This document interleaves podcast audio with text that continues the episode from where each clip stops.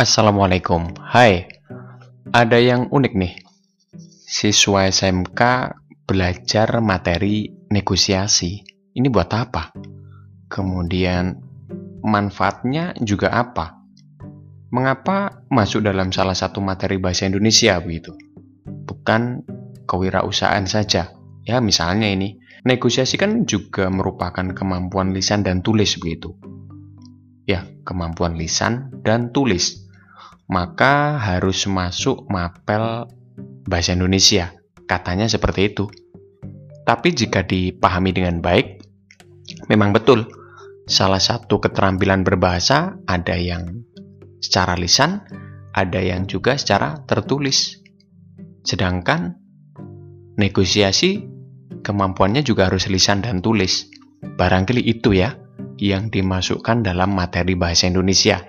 Jadi secara lisan itu harus diarahkan atau verbalnya jelas, sedangkan secara tertulis itu pun juga sistematikannya juga jelas begitu.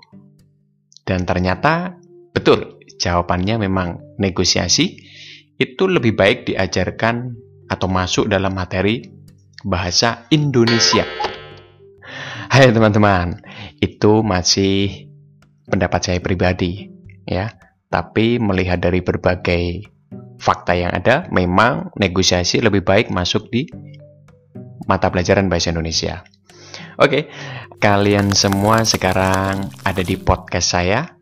Ya, format baru dalam materi bahasa Indonesia tentu biar mudah dipahami, dibuka sewaktu-waktu juga mudah, irit kuota itu terutama ya, dan merdeka belajar. Artinya bisa diakses kapan pun dan di mana pun. Kita sekarang masuk ke bagian permulaan dulu deh.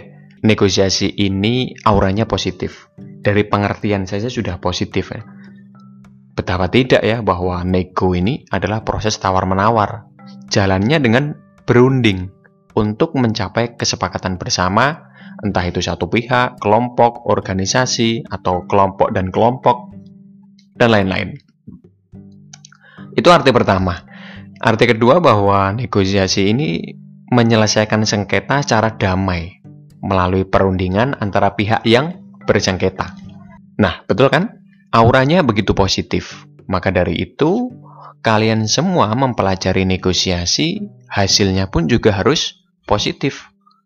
Bukan harus sih, tapi targetnya adalah sepakat. Ngomong-ngomong mengenai sepakat, maka kita juga harus sepakat nih. Di kehidupan nyata atau kehidupan sehari-hari, kalian semua harus setuju bahwa setiap orang ini pasti melakukan kegiatan nego setiap harinya. Ya minimal sekali lah. Untuk apa? Tentu untuk mendapatkan sesuatu yang diinginkan. Ya faktanya memang seperti itu. Ya, ada yang sekali bernego lalu sepakat, ada juga yang melalui proses lamanan panjang, dan hasilnya juga kadang sepakat, kadang juga sebaliknya atau tidak. Ya itu menunjukkan bahwa proses nego ini ini tidak melulu atau tidak sekadar ngomongin sepakat juga. Ada pula yang tidak terjalin, ya sah-sah saja memang. Karena terpenting adalah kedua belah pihak sama-sama untung dan tidak dirugikan. Jika untungnya memang tidak deal, ya itu sudah jawaban yang paling tepat. Artinya, ya nego tidak berjalan dan semuanya sama-sama untung. Perlu bukti nih, ya boleh kita lihat dari orang tua. Tiap hari kita bertemu dengan keluarga kita, orang tua, kakak, adik, ya, keponakan. Terjadi proses negosiasi entah itu berebut apakah untuk mendapatkan apa kek ya uang saku, makanan, ya, remote televisi, sepeda motor, baju mungkin atau apa. Nah, dengan negosiasi-negosiasi itu ya kita merasakannya setiap hari. Ya karena negosiasi memang hadir dalam keseharian kita, menjadi warna dalam kehidupan kita memang. Itu di lingkup keluarga, belum antar teman ya, kerabat. Itu juga proses negosiasi juga sering ditemukan. Ya, bingung mau memilih tempat destinasi liburan ke mana, itu bisa saja didebatkan, dinegosiasikan ya. Agar apa? Agar tujuannya terlaksana. pun demikian agar sepakat juga, tidak ada yang dirugikan begitu. Apalagi dengan guru ya, wow nilai jelas. Selama pandemi daring pembelajaran ini memang negosiasi luar biasa ya. Ya, diberi kemudahan itu dari sisi siswa, diberi kemudahan tapi masih ingin mudah dari sisi guru ya, sudah diberi kemudahan tetapi masih menginginkan yang lebih. Nah, interpretasinya sendiri-sendiri. Yaitu negosiasi karena memang ada perbedaan kepentingan ya. Ya memang harus diluruskan diselesaikan dengan cara negosiasi. Fakta-fakta itu ya dari contoh itu juga ini ternyata ditemukan bahwa negosiasi ini hadir dalam kehidupan cara kontekstual. Maka dari itu, opini saya tadi ada benarnya loh. Maka saya baiknya memang diarahkan dalam pembelajaran saja. Lisan dan tulis. Ya, ini memang diajarkan, aturannya jelas, sistematikanya juga jelas.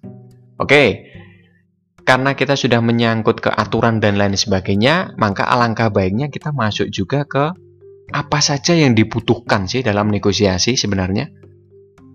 Mengapa bisa disebut negosiasi juga? Oke, yang pertama, perlu kalian ketahui bahwa negosiasi tidak akan berjalan jika tidak adanya partisipan. Pihak satu dan pihak kedua atau pihak A dan B. Ini jelas harus ada. Ya, karena perbedaan kepentingan ini, maka hadirlah dua subjek ini. Ya. Namun, ada juga pihak ketiga atau orang ketiga. Ya, ini orang ketiga ini bukan pegang, pengganggu ya di negosiasi, Orang ketiga ini lebih tepatnya adalah pihak yang hadir untuk membantu terselesaikannya negosiasi, tercapainya kesepakatan, ya itu adalah orang-orang ketiga atau bahasa kerennya adalah bahasa marketingnya ini maklar begitu. Ada yang menyebut dirinya adalah maklar sejati, artinya ya bisa memberikan informasi ke sana ke sini ya hanya info saja sudah dapat cuan begitu. Artinya sudah dapat laba luar biasa. Nah, jadi partisipan antara A, B, dan C. C-nya adalah orang ketiga atau pihak ketiga. Kemudian negosiasi yang dibutuhkan adalah proses tawar-menawar. Ya jelas ya, tawar kemudian menawar. Ya, artinya ada pengaju dan ada penawar. Pengaju ini kategorinya adalah penjual dan penawar itu pembeli. Kemudian dikatakan negosiasi juga kesepakatan. Iya memang sih ada yang tidak sepakat juga, tapi lebih enaknya memang bernegosiasi itu deal atau sepakat. Kemudian dikatakan negosiasi. Nah, ini yang penting nih. Jangan dikira penjual dan pembeli ini kepentingannya sama. Sama-sama untung tidak. Ya. Mereka ini sebenarnya perbedaan kepentingan. Ada ada bedanya. Jika penjual itu ingin menjual barangnya untuk mendapatkan laba, itu kepentingannya. Kalau pembeli ingin mendapatkan harga miring dan juga rasa puas. Nah, ini sudah masuk kategori perbedaan kepentingan. Nah, ini adalah hal-hal yang dibutuhkan dalam negosiasi. Kalian harus tahu yang pertama adalah partisipan, yang kedua proses tawar-menawar harus nampak, kemudian kesepakatan, dan yang terakhir adalah perbedaan kepentingan. Kemudian, bersinggungan dengan aturan-aturan apa saja sih yang diperlukan atau syarat ya atau kiat trik begitu agar negosiasi ini uh, berjalan lancar. Yang pertama jelas ini harus mutlak ya, bisa diterapkan oleh siapa pun. Sopan. Ya, sopan. Sopan ini dari gerak itu juga harus sopan, tutur kata ini juga harus sopan. Ya, bahasa tubuh, kemudian uh, ucapan ini juga harus masuk kategori sopan. Kemudian tidak memaksa. Banyak ya yang ditemukan sebenarnya. Di pasar-pasar bebas biasanya kita menemukan eh, orang-orang uh, yang menjual dengan memaksa. Atau bahkan kita saja sebagai pelaku pembeli, penawar ini memaksa. Ya, ini nggak baik. Ya ini negosiasinya udah nanggung nih. Ya jadi tidak ada paksaan lah. Yang ketiga adalah praktis. Iya, negosiasi ini sifatnya praktis saja. Nggak usah beribet. Kalau ribet itu masuknya nanti tertulis. Kenapa? Karena banyak sekali sistematika-sistematika itu yang pertama. Kemudian tembusan-tembusan ke tempat A, B, C ya kalau memang negosiasinya secara resmi ya antar perusahaan begitu ini memang ribet. Tapi seribet apa pun memang harus dibuat praktis saja meskipun itu juga tertulis. Kemudian juga alasannya juga harus logis. Nah ini yang terkadang dilogis-logisin. Artinya apa ya? Bahwa menawar itu ya masuk akal aja deh. Nggak usah berlebihan. Nggak usah diada-adain. Nggak usah pamer. Nggak usah apalah ya. Ya sesuai kebutuhan saja. Simple. Ya. Karena kebutuhan kita mendapatkan sesuatu barang, jasa, maka yang nawarnya simple. Itu juga dari penjual harusnya juga sama Nah, itu adalah hal-hal yang dibutuhkan dan dianjurkan dalam proses negosiasi. Oke, sekarang kita ke bentuk. Oke, proses negosiasi ini sekarang luar biasa. Jamak ditemukan nego sekarang mudah. Ya, media apa pun ini bisa menjadi media jual beli. Ya, khususnya lagi media jual beli misalnya. Nah, ini tawar-menawar bahkan aplikasi-aplikasi tertentu e-commerce itu ya memunculkan menghadirkan menu atau tahapan di mana si penjual ya yang punya lapak dan yang pembeli ini harus memungkinkan untuk uh, bernego, nego-nego harga gitu. Luar biasa. Ya, jadi negosiasi ini penting sekali.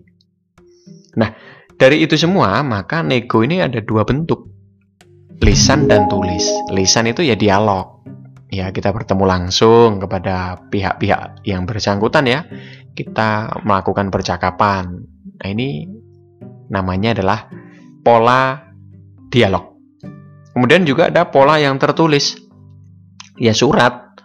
Ya surat penawaran barang. Misalnya saya punya CV saya menawarkan barang saya atau jasa saya ke Anda atau ke kalian maka kalian nanti juga harus membalas surat dari saya.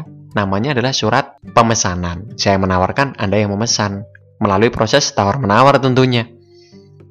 Kemudian juga surat lamaran kerja. Loh jangan salah, surat lamaran kerja ini termasuk negosiasi. Meskipun masuk dalam tahap seleksi administrasi di awal, tetapi ini masuk kategori negosiasi secara tertulis. Ya kita menawarkan kita lulusan dari mana, kita pengalaman kerjanya apa saja. Nah, kita menawarkan sesuatu hal itu.